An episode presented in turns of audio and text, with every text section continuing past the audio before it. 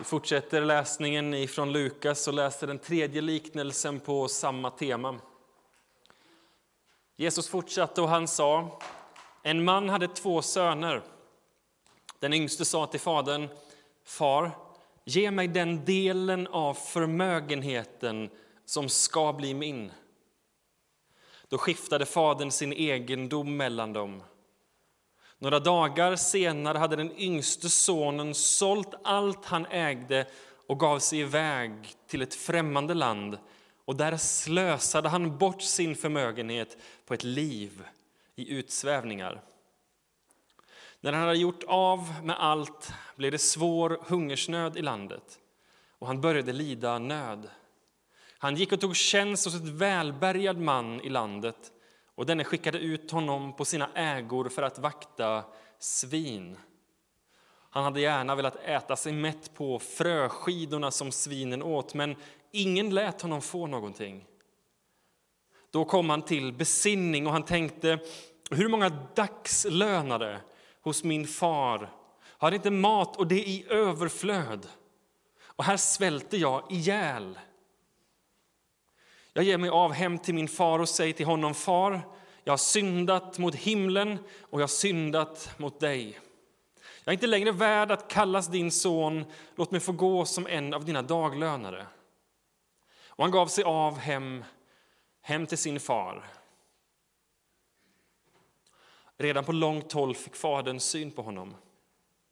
Han fylldes av medlidande sprang emot honom och omfamnade honom och han kysste honom. Sonen sa, far, jag har syndat mot himlen och jag har syndat mot dig, jag är inte värd att kallas din son. Men fadern sa till sin tjänare, skynda er. Skynda er att ta fram min finaste dräkt och klä honom i den och sätt en ring på hans hand, sätt skor på hans fötter. Hämta gödkalven och slakta den så ska vi äta och vi ska hålla fest. Min son, han som var död, han lever igen. Han var förlorad, men han är återfunnen. Och festen började. Men den äldste sonen var ute på fälten.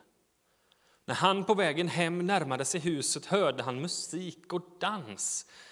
Och han kallade på en av tjänarna och frågade vad som stod på. Tjänaren svarade, din bror har kommit hem och din far har låtit slakta gödkalven därför att han har fått tillbaka honom välbehållen. Då blev han arg och ville inte gå in. Fadern kom då ut och försökte tala honom till rätta. Men han svarade, här har jag tjänat dig i alla dessa år och aldrig överträtt något av dina bud. Och mig har du aldrig gett ens en enda liten killing att festa på med mina vänner. Men när han kommer hem, din son som har levt upp din egendom tillsammans med horor, då slaktar du gödkalven. Fadern sa till honom, mitt barn, du är alltid hos mig och allt mitt är ditt. Men nu måste vi hålla fest. Vi måste vara glada. För din bror, han som var död, han lever igen. Han som var förlorad, han har blivit återfunnen. Herre Jesus Kristus, vi tackar dig för ditt ord. Vi tackar dig för att det idag vill ge oss liv. I ditt namn. Amen. Varsågod och sitt.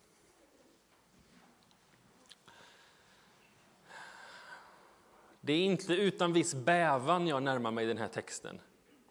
Av flera anledningar. En anledning är att den är så central. Den här texten är en otroligt viktig text. Inte minst ser vi det med att budskapet upprepas tre gånger på varandra. Ni som vet hur det judiska sättet att skriva gick till så var det att man inte hade synonym, så var det att man inte hade någonting som sa jätte till exempel. Utan om man hade en sten som var stor så sa man bara sten, sten och då förstod man att det var en stor sten. Och var det en väldigt, väldigt stor sten så säger man sten, sten, sten. Så stor var den stenen. Man vux, de har vuxit upp i en kultur där man förstår att upprepningar skapar betoning. Här står samma budskap i tre stycken olika versioner. Mitt i, Johan, i Lukas evangelium. Det är centralt, det upprepas och där förstår vi detta är viktigt. Samtidigt har vi hört den här texten så många gånger. Har man gått i kyrkan, varit i söndagsskolan, har man någon gång närmat sig kyrkan så får man den här texten ganska snart. Den förlorade sonen är en av våra favoritberättelser. Hur kan vi då göra den rättvisa en gång till? Det har jag brottats med.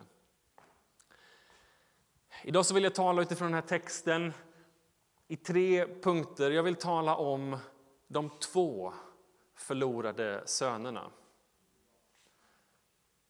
Vad var det som gjorde dem förlorade? Och att förlåtelse alltid är kostsam. De två förlorade sönerna, vad var det som gjorde dem förlorade? Och att förlåtelse alltid är kostsam. För att förstå den här texten behöver vi dyka in i samtidens kontext, samtidens kultur. En kultur som var patriarkal. Handlar om att mannen i huset var den som styrde och ställde. Det var han som bestämde allting. Det var honom som man hedrade och ärade. Det var den äldste sonen som kom näst efter och sen de andra sönerna. Det här var någonting som syntes också i arvslagarna där den äldste sonen ärvde dubbelt så mycket som de andra sönerna. Här finns det två söner, så den äldre sonen skulle alltså ärva två tredjedelar och den yngre sonen en tredjedel. Döttrarna ärvde ingenting eftersom man tänkte att de ärvde det som, som den man som de sen gifte sig med fick. Så såg systemet ut. Det är också en kultur som bygger på heder, en hederskultur. Man ska hedra sin far och sin mor, man ska hedra människor på ett sätt som vi idag kanske har svårt att förstå. Ibland så talar vi om, kanske specifikt i vissa förorter, så säger man att man ska visa respekt och att respekt är viktigt. Och det kanske är något liknande i det här. Att respekten mot de äldre, respekten mot sina föräldrar, respekten för samhället, respekten för traditionerna är viktigt. Att visa heder.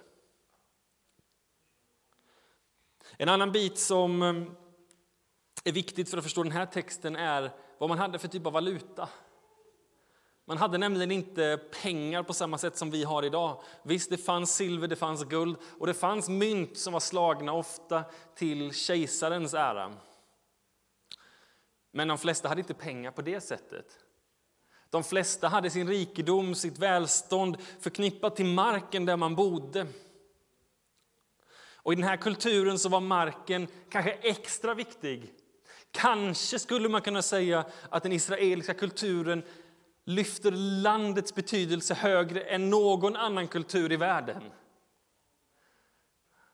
De bygger sin identitet på det förlovade landet läser sin historia om att inta landet. Folket Israel fick landet Israel. De tolv stammarna fick olika delar. De olika stammarna i de här olika folkgrupperna fick sina delar. Och Varje husfar hade sin liksom släktgård som man värnade och vårdade. Det var rikedomen.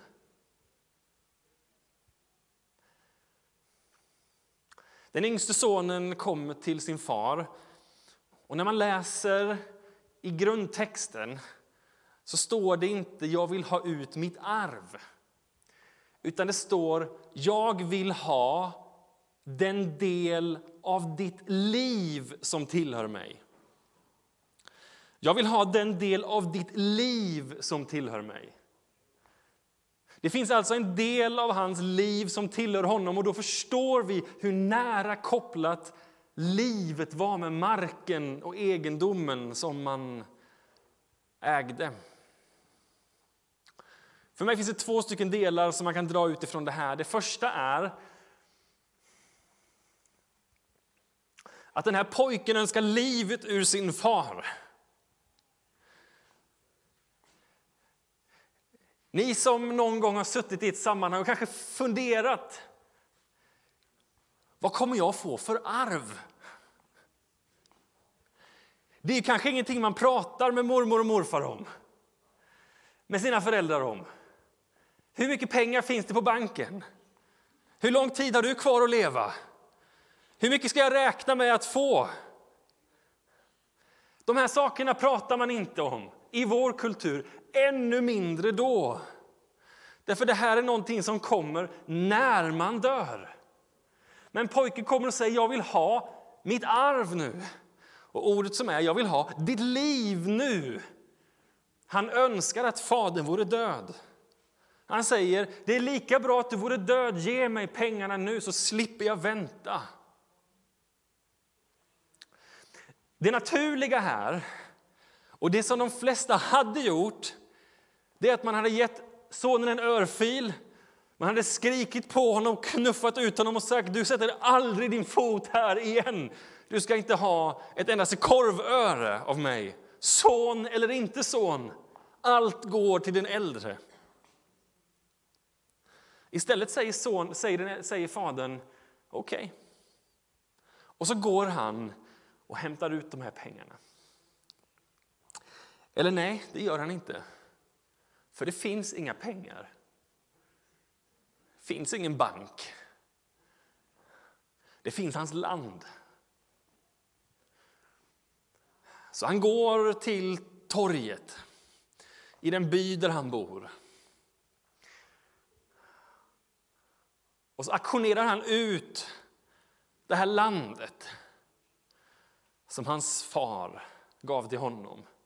Och som hans far gav till honom och som de har haft i generation efter generation efter generation. Och de runt omkring de undrar varför gör du så här? Och de får höra det skandalösa som den här yngste sonen har gjort.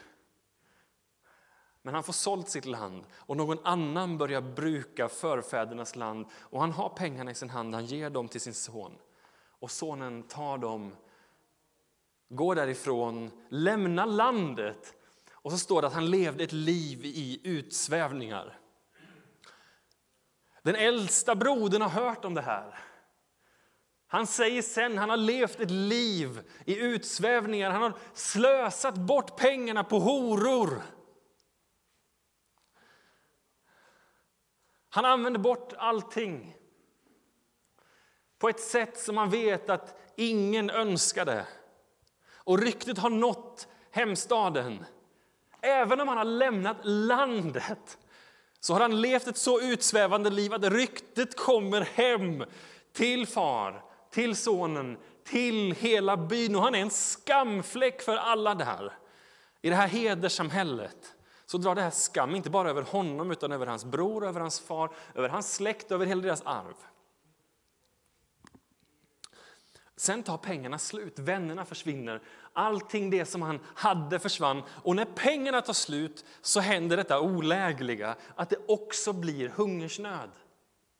Kanske hade han tänkt att spara undan lite grann, han kanske hade någon investering som han hade gjort, men helt plötsligt så blir allting värdelöst och han befinner sig på botten i sitt liv. För att klara livshanken så tar han värvning. Och för att förstå hierarkin där så är det så att man kan tro att slavar är det lägsta. Det är inte så.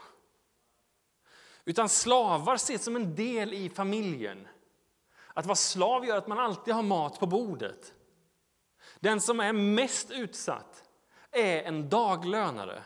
Man jobbar en dag och man får mat, men nästa dag vet man inte vad man får. Man jobbar en dag till och man får mat då, men nästa dag har man ingen aning vad man får. Ingen fast anställning, ingen anställningstrygghet överhuvudtaget. Och den här killen får ett jobb hos en person som inte ens betalar honom tillräckligt för att köpa mat. Så han får så lite pengar att han går hungrig och han får jobbet att vara svinvaktare. Och han känner att han älskar, han, han vill ha mat och han skulle vilja ha den maten som svinen får, det vill säga resterna som har ätits i det fina huset. Självklart är det en poäng även här. Att judarna åt inte fläsk, gris var orent, oheligt och här har han sjunkit ännu lägre och vaktar de orena djuren. Där är han hungrig, utstött, syndig och får bara ta hand om de orena djuren som en jude inte ens vill ha nära sig. Då kommer han på tanken att daglönare finns hemma hos min far också. Jag ber inte om att få bli son. Jag ber inte om att få bli slav. Jag ber inte om att få bli tjänare, jag ber bara om att få bli en av de här absolut lägsta. Men jag vet att min far tar hand om dem bättre än den här Herren gör. Om jag kommer hem kanske jag kan få bli en tjänare, en daglönare hos min pappa. Jag har syndat mot Herren och mot dig. Han gör upp en plan hur han ska agera. Och så går han vägen hem. Och så står det att när redan på långt håll så spejar pappan efter honom.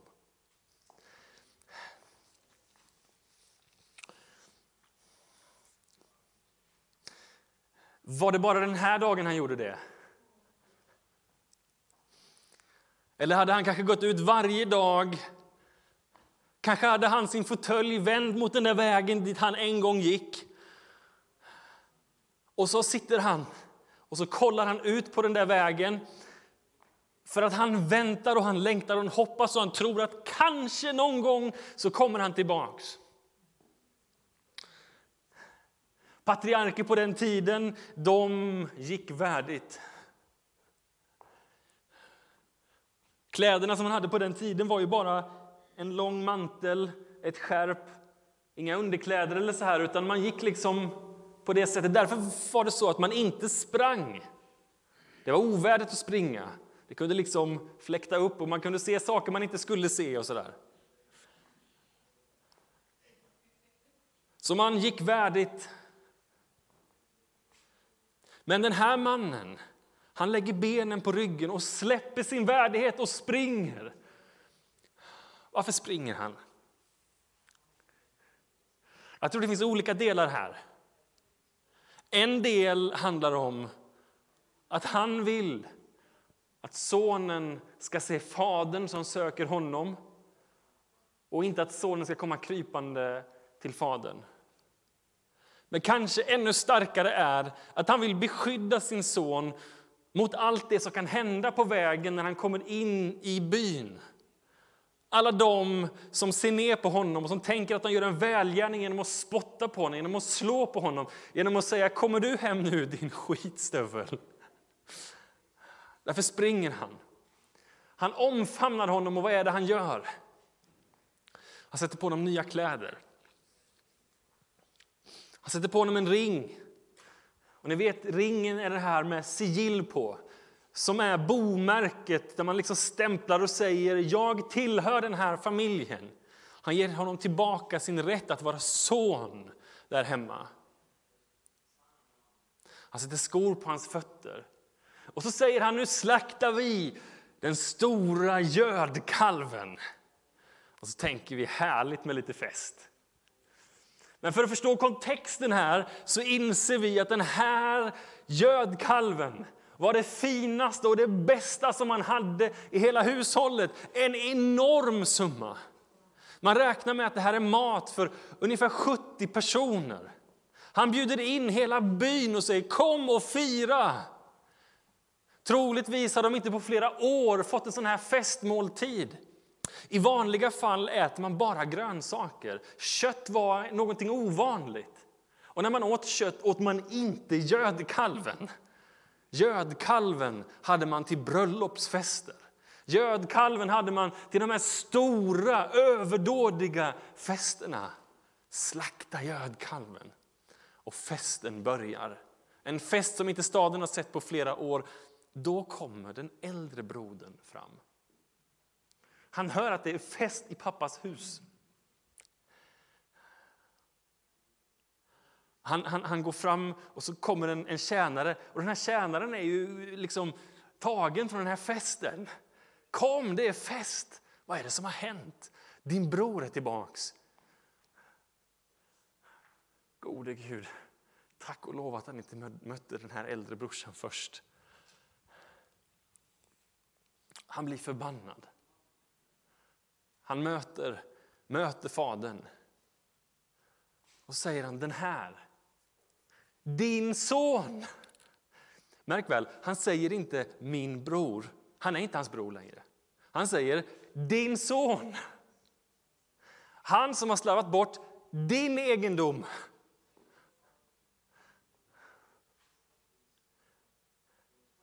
Han har kommit hit och du slaktar gödkalven. Och jag har inte fått någonting. Och, och, och märk orden här. Han säger, under de här många åren har jag slavat för dig. Inte tjänat dig, inte varit en son. Jag har slavat för dig. Och jag har inte fått någonting. Du har inte ens tagit en liten killing och ätit mig. Ingenting har jag fått. Och nu kommer han hem, han som har gjort allt detta. Och han får allt detta och jag får ingenting. Det är orättvist, det är orättfärdigt. Inte nog med det. Det är ju hans gödkalv. En tredjedel gick till den yngre sonen, två tredjedelar var hans. Allting som fanns kvar var den äldre broderns arv. Fadern har tagit av den äldre broderns arv och gett till den här slarven. Och han är förbannad. Fadern går ut till honom, bönar och ber, men han går bitter därifrån. Och vi ser vad tanken är med den här berättelsen, att den förlorade sonen, den yngre sonen, är den som blir funnen. Men det är två förlorade söner. Den äldre sonen är också förlorad. Och det är en viktig del av poängen i den här berättelsen. Därför de är förlorade på samma sätt. Den första sonen är en dålig son. Den andra sonen är en god son. Men förlorade är de på samma sätt. Den första sonen är bara mer öppen och ärlig. Han är en slarver, han bryr sig inte. Han går till sin fader och säger Ge mig pengarna, för det är pengarna jag vill åt. Ge mig pengarna, för det är pengarna jag vill åt. Jag bryr mig inte om dig, jag bryr mig inte om egendom, jag bryr mig inte om heder, jag bryr mig inte om samhället, jag bryr mig inte om någonting av detta. Jag vill festa, jag vill ha roligt och jag vill ha mycket flickor och annat sånt där i mitt liv. Så han går och får sina pengar och går iväg och gör det. Den andra brodern, märker ni, har samma sak i kikaren. Enda skillnaden är att han har en annan taktik. Även han vill ha pappans pengar. Han inser bara att det är mycket smartare att sköta hemmet snyggt. Att spela sina kort väl, att vara hemma, vara god och trogen. Då kommer han inte bara få pengarna, han kommer få heden, han kommer få äran, han kommer att få allt detta. Saken är den att den äldre brodern bryr sig inte heller om fadern. Den äldre brodern bryr sig inte om fadern för han möter en fader som är överlycklig över att han har fått tillbaka sin son. Men han är istället förbannad över att hans pengar, hans framtida pengar har gått upp i rök. Så båda två har trillat i samma fälla. Och det de bryr sig om är pengarna. Det är deras fel. Därför är båda förlorade. Och det är det som Jesus vill att fariseerna som lyssnar till det här ska höra. Han stod och talade med fariseer, sen kom det tullindrivare och syndare till honom. Så det är båda de här grupperna där. Och det Jesus vill säga till dem är, båda är förlorade. Både ni som lever slarviga liv, ni är förlorade. Men ni vet att ni är förlorade. Men ni andra som kommer hit och spelar era kort så väl, ni som kommer hit och tänker att ni har levt rätt och är den äldre brodern i fina kläder, ni är också förlorade. Ni är också förlorade. Augustinus, västkyrkans kanske viktigaste teolog skrev en bok som heter Bekännelser där han brottas med de här frågorna. Han brottas med att han vill vara god, men han vill vara god för att han tjänar på det. Han vill vara god för att det lönar sig att vara god. Så han är god och får lön. Och så inser han att han är inte god för Guds skull, utan han är god för belöningens skull. Och han brottas med det här genom boken. Och den är väl värd en läsning. Därför det är så mycket av samma tankar som jag tänker är beskrivet i Bibeln, som jag tänker är beskrivet idag och som vi brottas med många gånger själva. Varför gör vi det vi gör? Varför tjänar vi i kyrkan? Varför är vi goda? Varför gör vi alla de här sakerna? Och så brottas Augustinus med sig själv och så säger han alla problem handlar om missriktad kärlek. Att vi älskar fel saker. Att vi älskar vissa saker mer än vi borde älska dem. Och att vi älskar andra saker mindre än vi borde älska dem. Han säger att det borde finnas en kärlekshierarki i våra liv. Och om den kärlekshierarkin kastas om eller blir fel så blir allting fel.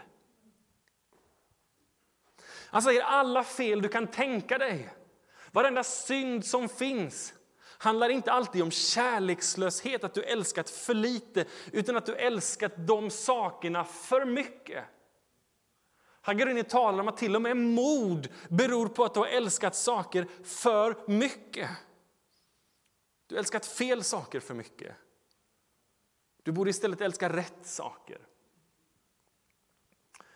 Den enda kärlek som är värd första platsen är kärleken till Fadern, säger den här texten. Inte kärleken till det du får, utan kärleken till honom själv. Att älska Gud för den han är, inte för vad du får. Om du lyckas med det, så har du lyckats med det viktigaste i ditt liv. Och då följer de andra sakerna också på plats. Då blir din kärlek rätt riktad.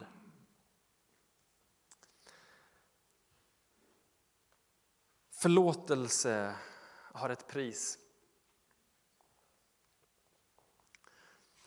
Förlåtelse har ett pris och den här pappan är villig att betala det. Det börjar redan i början. Han ger sina pengar till sonen som inte är värd dem. När han kommer tillbaks där, sonen, så kan man ju ställa sig frågan, vad tror ni att pappan tänker? Vi har ju hört berättelsen nu och vi har kanske hört den tidigare och vi vet vad som ska hända. Pappan vet inte vad som ska hända. Han har ingen koll på vad sonen ska säga.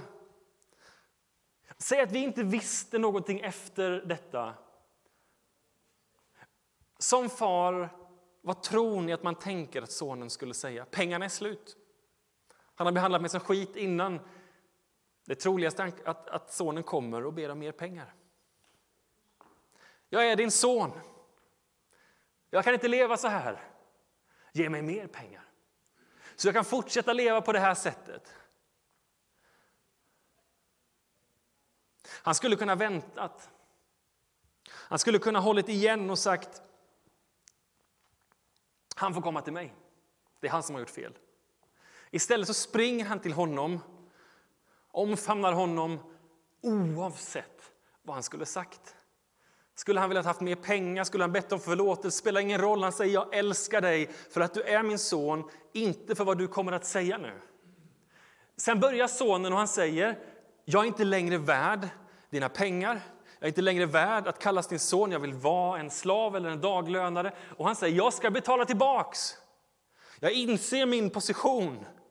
Och han försöker liksom lägga upp en plan för hur saker ska bli rätt i livet. Och det fadern gör är att han bara skyfflar det åt sidan och han säger nej, kom till mig. Och så sätter han på honom ringen och kläderna och säger du behöver inte bättra dig för att vara min son, du är min son i vilket fall.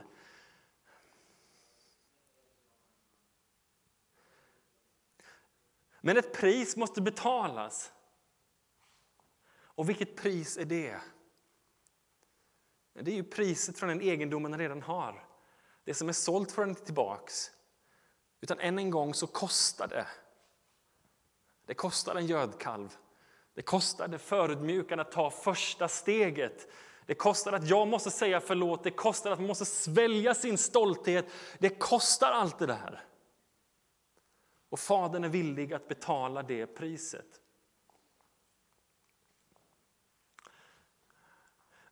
I den här bilden så är det helt uppenbart att Gud är bilden på Fadern här. Men det finns en annan bild. En annan bild som också är viktig att komma ihåg. Och det är antitesen, alltså den äldre brodern. För vem är Guds förstfödde son? Jo, men det är Jesus Kristus. Jesus Kristus är den förstfödde sonen. De två tidigare berättelserna, vad är det som händer då? I berättelsen om fåret eller berättelsen om myntet, då går de ut och letar efter fåret. De sopar hela huset efter myntet. Det är någon som är aktiv.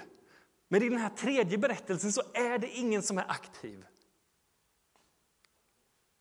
Varför då? För att det finns en poäng här. Och vad är det för poäng? Poängen är att det finns någon som borde gått ut och letat. Och det är inte fadern, nej. Det är den äldre brodern. Hans uppgift var det att hålla familjen samman. Hans uppgift var det att hämta hem sin slarver till brorsa och tala honom till rätta och liksom visa honom hur man ska agera. Istället så är han hemma och är arg.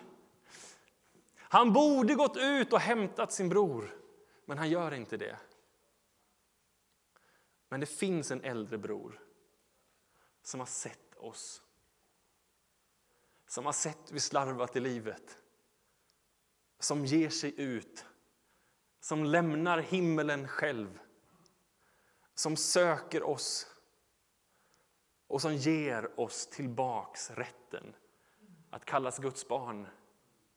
Jesus Kristus är antitesen till den här brodern. Han vet att det kommer kosta honom sitt arv. Han vet att det kommer kosta honom sitt uppehälle. Det kommer kosta honom sin ring och det kommer kosta honom sin bekvämlighet.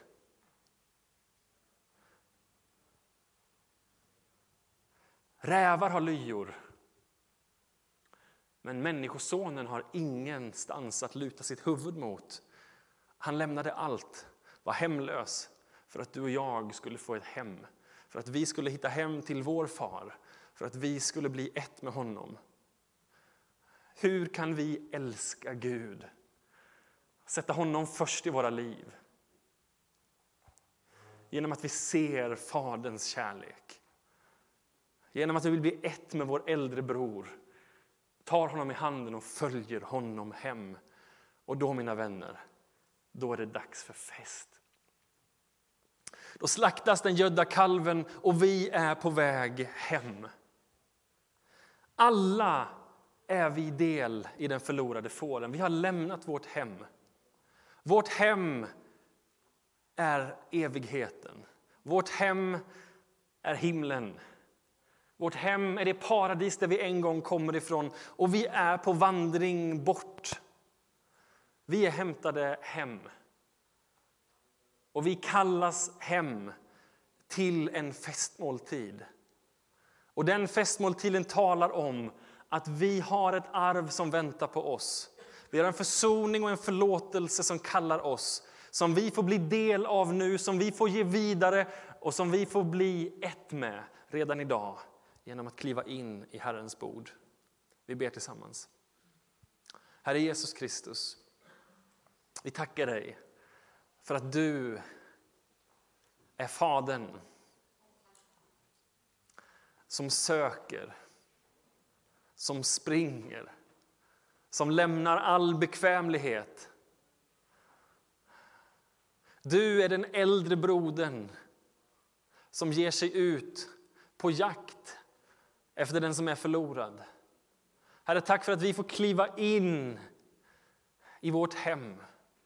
Vi får tillbaks ringen på vårt finger och vi får kalla oss söner och döttrar.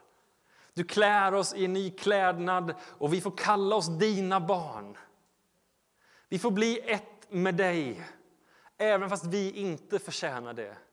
Även fast vi inte har någonting att komma med så sätter du oss på den ställning i det hus där vi hör hemma. Vi får komma hem till dig. Välkomna hem till en fest med frid och glädje.